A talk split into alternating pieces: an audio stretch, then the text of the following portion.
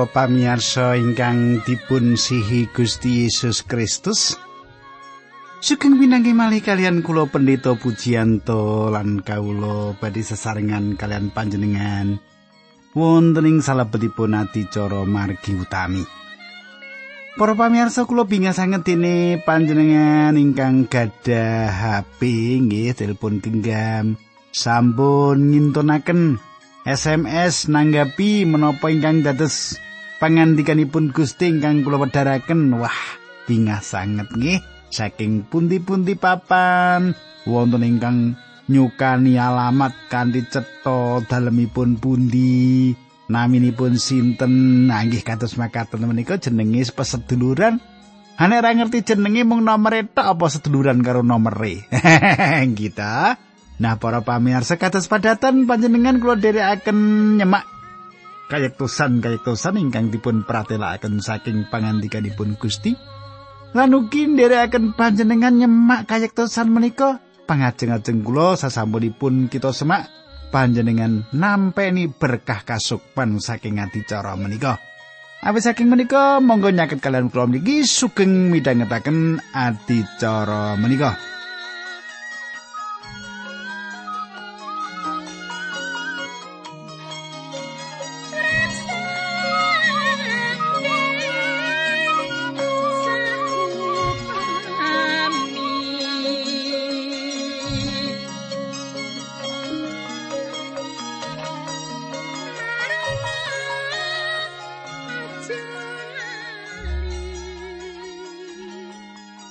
Pamirsa ingkang kula tresnani, kula suwun panci panjenengan tasih kemutan menapa ingkang kula aturaken duk pepanggihan kepengker. Ing wedas manten Paulus ngimutaken kita supados kita tetep giat, tansah giat wonten ing pakaryanipun Gusti.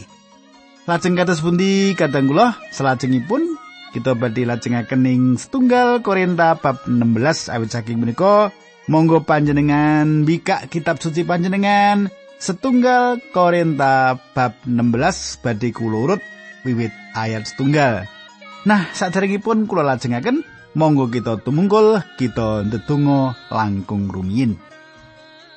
Duh Kanjeng Rama ingkang ada dampar wonten kraton ing kasuwargan kawula ngaturaken gunging panuwun menawi wekdal menika kawula saged tetunggilan kalian sederek-sederek kawula ingkang setya tuhu midhangetaken adicara menika. Kawula nyuwun Gusti mitulungi Gusti berkahi lan kawula nyuwun supados menapa ingkang kula andharaken ing wanci menika saestu saged dados kandeling iman kapiandelan sederek kawula menika wonten ing asmanipun Gusti Yesus Kristus. Dinambaran asmanipun Gusti Kawulo Yesus Kristus kawulo ndedonga haleluya amin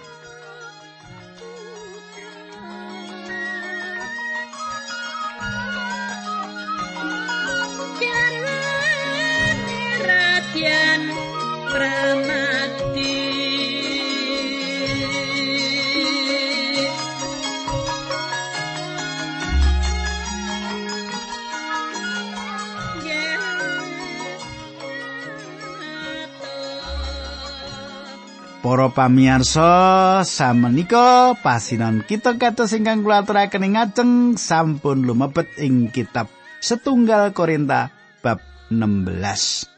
Setunggal Korinta bab 16 kula wiwiti ayat ingkang setunggal. Saiki bab sumbangsih arupa dhuwit sing manut layang muar kanggo mitulungi umat Gusti Allah sing ana ing Yudea. Kowe padha nindakno kaya pamrayogaku marang pesamuan-pesamuan ing tanah Galatia. Para pamirsa, Paulus miwiti ing pasal menika kanthi ngrembak gegayutan kalian sumbangan utawi pisungsung. Panjenan perso pilih pisungsung menika satunggal patrap dasar tumrap kekristenan kita. Pisungsung kuwi sawijining patrap dasar kegayutan kalian kekristenan kita. Paulus ngrembak babagan anggenipun tiang-tiang Korintus mboten remen menawi perkawis menika dipun rembak awit bab pisungsung sumbangan menika andadosaken wirangipun. Paulus badhe nglairaken satunggalipun cara pisungsung Kristen. Pengajeng-ajeng kula kitab suci panjenengan kabika lan panjenengan saged nyemak kanthi saestu awit menawi panjenengan boten bika kitab suci panjenengan kula boten saged nyukani keterangan kanthi jangkep. Dadi jenengan yo maca, aku yo maca kanthi mengkono saling melengkapi. Ngaten nggih. Nah, ing dina sabat karben saben wong menehi pro 10 lan pisungsung supaya ora ana pisungsung menawa aku teka dadi menawa aku menyang mrono kita anakake pisung ligi utawa aku nganakake kanggo kowe mbayar pisungsung Menapa wonten ingkang sanjang panjenengan ora kena maca mengkono? Mboten. Nanging kula maos laras kalian menapa ingkang dumados ing jaman-jaman ika, monggo kita semak cara Paulus nyerat. ayat kali. Saben dina minggu padha nyisihna dhuwit manut saduwene, padha klumpukna supaya semongsa besok teka kowe ora perlu kesusu susu nglumpukake dhuwit mau. Para pamirsa, panjenengan katasaken saben dina minggu. Menawi panjenengan boten ngawontenaken pepanggihan ing dinten kawitan saben minggu manembah Gusti Allah, pramila panjenengan saged ugi pas dinten menika ngaturaken pisungsung ingkang dados perangan manembah. Saben tentu menika aneh. Ing wekdal Paulus meratelaken supados panjenengan beto pisungsung ing dinten kawitan saben minggu, Pisungsung menika katindakaken ing wekdal pasamuan nglempak kangge mengeti Gusti Yesus ing sedo lan wungunipun. Panjenenganipun wungu ing dinten ingkang kawitan ing salebetipun satunggal minggu inggih menika dinten Minggu sanes dinten Sabat. Saben dina Minggu padha nyisihnya duit manut saduwene. Paulus mboten sanjang menapa-menapa gegayutan kalian sak pro sepuluh lan pisungsung. pasamuan kedah nyisiaken pisungsung selaras kalian ingkang dipun paringaken Gusti Allah. Para pamirsa salah setunggal khotbah mimbar ingkang angel ingkang katindakaken gembala inggih menika gegayutan kalian sak pro sepuluh. Kadah para abdi Gusti utawi pendeta ingkang boten patos wantun ngutbahaken babakan pro sepuluhan menika wonten ing gerejanipun Nanging medal kula mimpin pesamuan ing satunggalipun pesamuan. Nalika kula mimpin pesamuan wonten satunggal warga pesamuan ingkang asring nyuwun kula mucalaken bab pisungsung pro sepuluhan menika. Satunggal wekdal yang menika tanggal dados kados pundi caranipun ngaturaken pisungsung pro sepuluhan menika? Kula nedahaken satunggal ayat manut hasil sepiro kang kok tampani. Menapa ingkang kula terangaken menika andadosaken tiyang menika acelom lajeng kula sanjang kalian piyambakipun panjenengan sampun nyambut damel lan nindakaken menapa ingkang sae piyambak kanthi ngaturaken pro 10 nanging wonten sawetawis warga pesaman kita ingkang boten saged ngaturaken sak pro 10-an samenika. Kula yakin Gusti Allah boten nyuwun sederek-sederek menika supados ngaturaken sak pro 10-an. Wonten sawetawis tiyang ingkang ngaturaken sak pro 10-an kanthi sae lan tiang-tiang menika ngaturaken salah sekalian hasil ingkang dipun tampeni lan tiang-tiang menika mboten mandek namung ngaturaken sak prosepuluhan kemawon saged ugi malah ngaturaken sepalih saking hasil ingkang dipun tampeni Para pamirsa wiwit wekdal menika wiwit wekdal menika pesaman menika mboten nate malih nyuwun kula nyetakaken gegayutan pro sepuluhan Alasanipun inggih menika tiyang menika pancing ngaturaken sak pro sepuluhan nanging boten purun nyukani selaras kalian hasil ingkang sampun dipun tampi. Selajengipun kadang kula pangandikan kala wau meratelaken padha klumpukna supaya semongsa besok teko kowe ora perlu kesusu-susu nglumpukake duit mau. Para pamirsa Paulus mboten purun pepanggihan menika keganggu kalian pisungsung ingkang kados-kados dipun peksa. Ing mriki Paulus nyukani mangertos kanthi cetha dumateng kita kados pundi cara ingkang sae kangge ngaturaken pisungsung. Samenika panjenengan waos nggih tunggal Korinta 16 ayat 3 ngantos kawan. Besok satekaku aku bakal akon wong-wong sing kok percaya nganggo ndak gawani layang supaya ngeterake sumbangsihmu mau menyang kutha Yerusalem. Yen aku perlu melu mangkat ya kena karben wong-wong mau mangkat bareng aku. Para pamirsa, Paulus diwon supados pesaman milih panitia kangge nglempakaken arta ingkang dipun bantokaken dhateng Yerusalem supados dibeto kalian Paulus. Langkung saya menawi ingkang tanggal jawab atas pisungsung menika langkung saking setunggal tiang. Bebayani sangat masrahaken pisungsung dumateng satunggal tiang lan ngejaraken ngurus harta menika piyambakan. Gudo kegayitan arta menika ageng sanget. Saged ugi panjenengan tangket menapa gegayutan bab arta menika kejujuranipun tiang mboten saged kapitados. Awit piyambakipun Kristen. saged ugi makaten. Malah sinaosa tiang sampun jegur wonten ing pratusan kateng kula godho tasih kemawon kaadepi dening tiang menika. Paulus nyukani cara ingkang sae piyambak ing salebetipun pisungsung menika. Piyambakipun ginakaken cara ingkang gampil dipun tindakaken. Para pamirsa, ing mriki Paulus ngrembak gegayutan dono weweh pesamuan. Tembung ingkang dipun ginakaken kangge pisungsung Kristen saestu perlu dados kawigatosan. Ing salebetipun ayat kita tembung menika dipun sebat logia utawi kolektor. Salajengipun Paulus ngrembak kegayutan tembung karis utawi peparing. Inggih menika tembung saking Syekh Rahmat.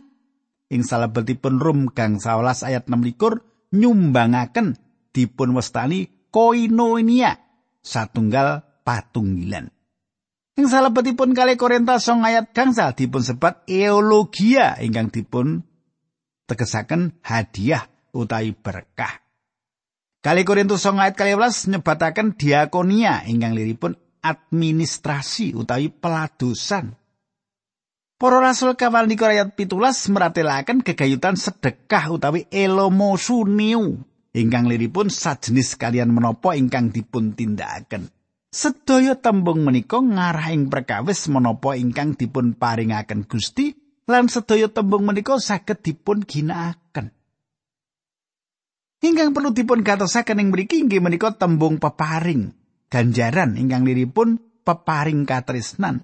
Kados pundi caranipun Gusti Allah berkahi panjenengan? Menapa pisungsung panjenengan dumateng Gusti saged dipun wastani peparing?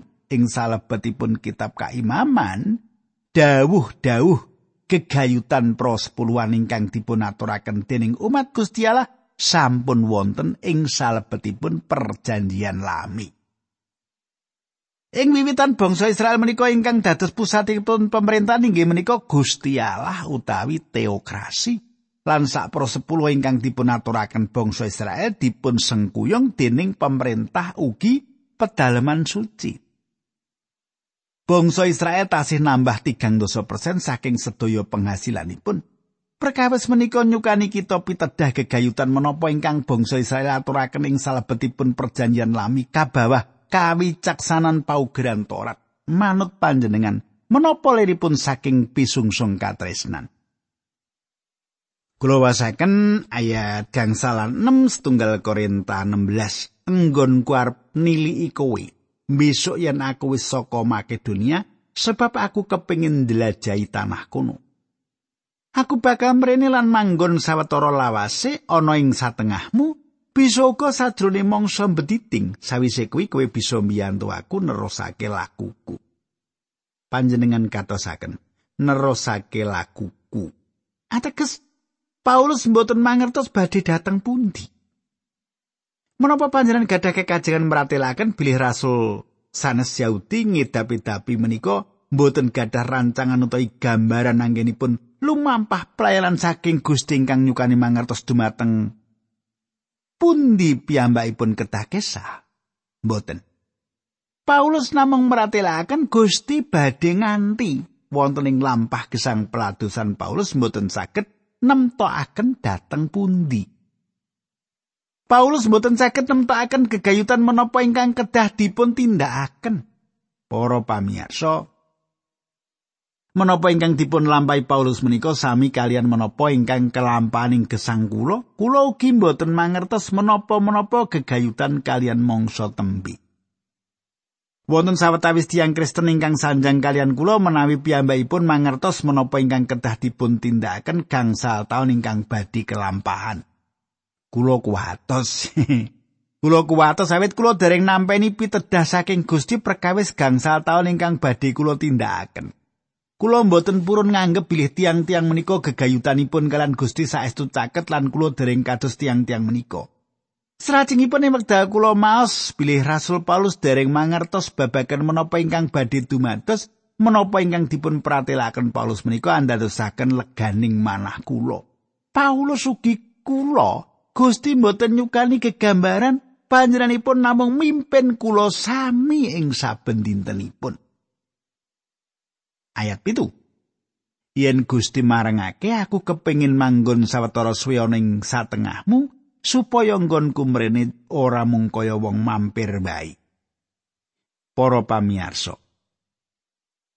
Ing mriki Paulus meratelaken bilih piyambakipun gadah rancangan kisah dateng Korintus nanging namung Gusti Allah ingkang paring izin rak kita kedah gadah rancangan. Sampun tentu kita kedah gadah rancangan nanging rancangan menika kedah selaras kalian menapa ingkang dados kersanipun Gusti Allah.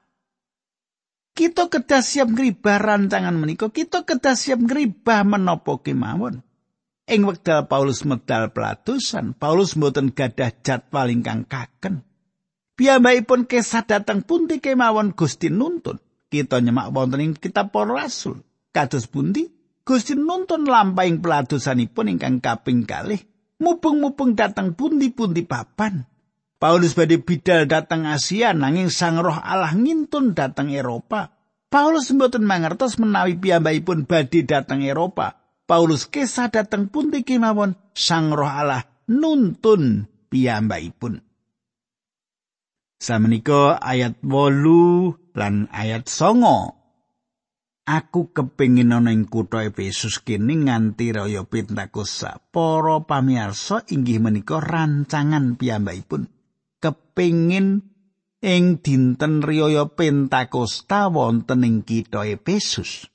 Ayat 9. Awit aku oleh wewengan lan wektu akeh nganggo ngabarake Injil senajan wong sing padha nglawan ya akeh. Para kadang kula.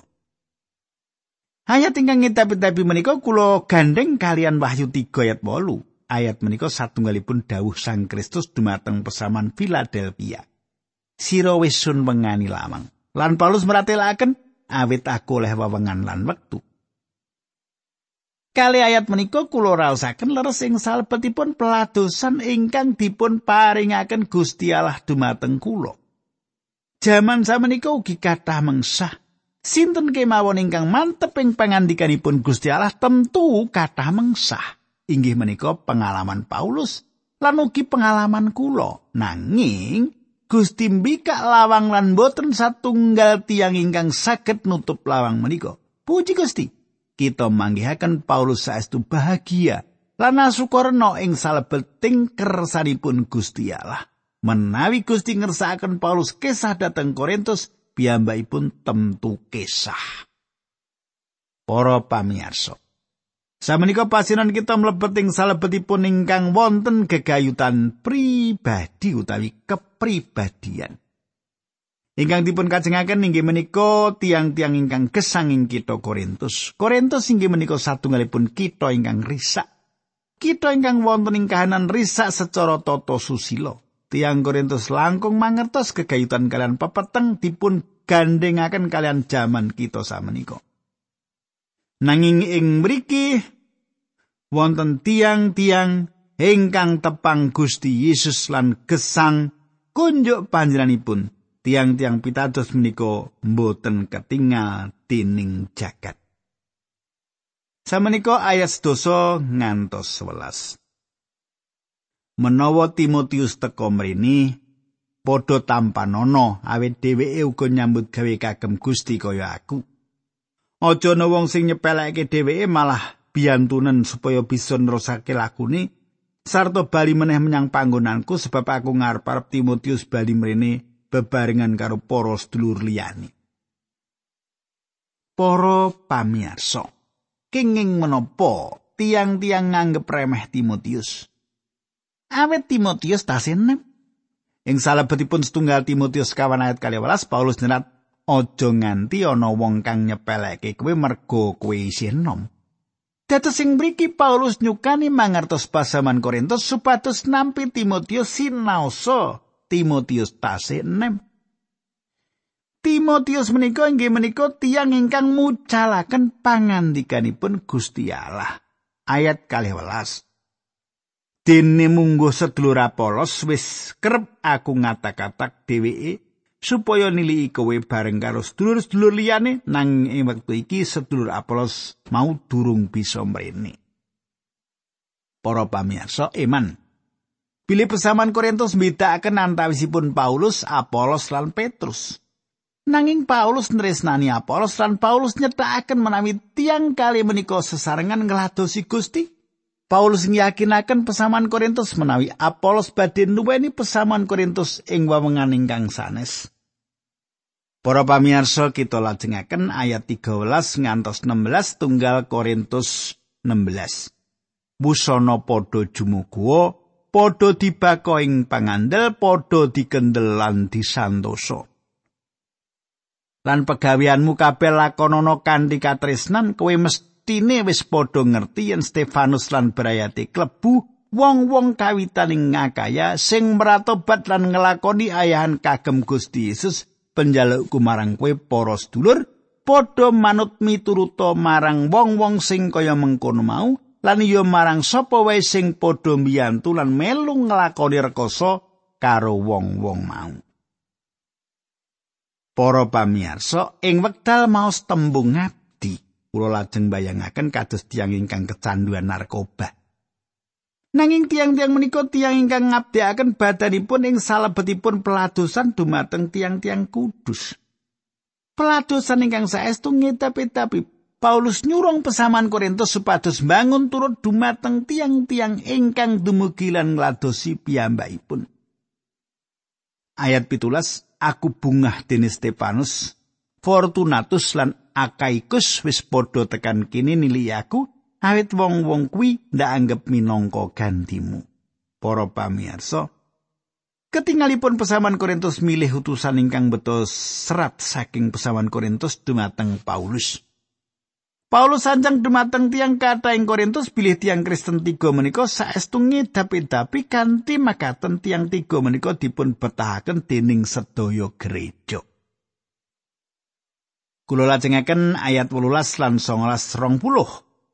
Sedulur-dulur mau kabeh bunga ing atiku kaya dening gone gawe bunga ing atimu. Wong-wong sing kaya mengkono mau padha ajenono. Para pesamuan ing tanah Asia kabeh kirim salam marang kowe, Aquila lan Priscilla lan pesamuan sing kumpulan ing omahe uga padha kirim salam pas duluran ing patungilani Gusti. Sedulur-sedulur kabeh ing kene padha kirim salam marang kowe siji lan sijine padha aweya salam kanthi pengambung suci. Para pamirsa, menapa ngambung menika dipun idinaken? mesti kemawon menawi menika pangambung ingkang suci. Nanging perkawisipun inggih menika saperangan ageng pengambung menika mboten suci. Ayat selikur. Lan layang iki ndak tulis dhewe salam saka aku Paulus. Para pamirsa panjenengan ningali ing mriki Paulus ndekte serat kintunan menika lan salajengipun dipun tapa astani dening piyambakipun. Ayat kali likur, sing sapa ora tresna marang Gusti Yesus kena paukuman dening Gusti Allah maranata Gusti mugi ing rawuh Para pamirsa Gusti Yesus ndangu dumateng Simon Petrus Simon anak Yohanes sapa kowe tresna karo aku Semak Yohanes kaselikur ayat pitulas. Panjenenganipun ndangu dumateng Petrus menapa Petrus badhe nyelai panjenenganipun malih? Gusti namung ndangu apa kowe tresna karo aku? Inggih menika pandadaran ingkang dumados ing jaman samenika menapa panjenengan resnani Gusti Yesus Kristus? Anatema liripun kaukuma. Paulus sanjang sapa kang ora resnani Gusti? Kena paukuman dening Gusti? Maranata liripun Gusti kita rawuh. Samenika ayat 23 lan kawanikur sih rahmate Gusti Yesus dumunung ana ing kowe kabeh. Tresnaku marang kowe sumrambah ing kowe kabeh ing patunggilane Sang Kristus Yesus saka aku sakloron Paulus lan Sostenes. Para pamirsa, menawi panjenengan tresnani Gusti Yesus panjenengan tentu tresnani tiang-tiang suci. Serat kintunan menika nuntut seratan ageng gegayutan katresnan. Nah, para pamirsa, monggo kita tumungkul, kita ndedonga. Duh Kanjeng Rama ing swarga sampun paripurna anggen kawula medhar sinau sedering rampung nanging dinten candhaipun badhe kalajengaken. Berkahi sedherek kawula sepindah malih Gusti dinambaran asmanipun Gusti Yesus Kristus kawula ndedonga. Haleluya. Amin.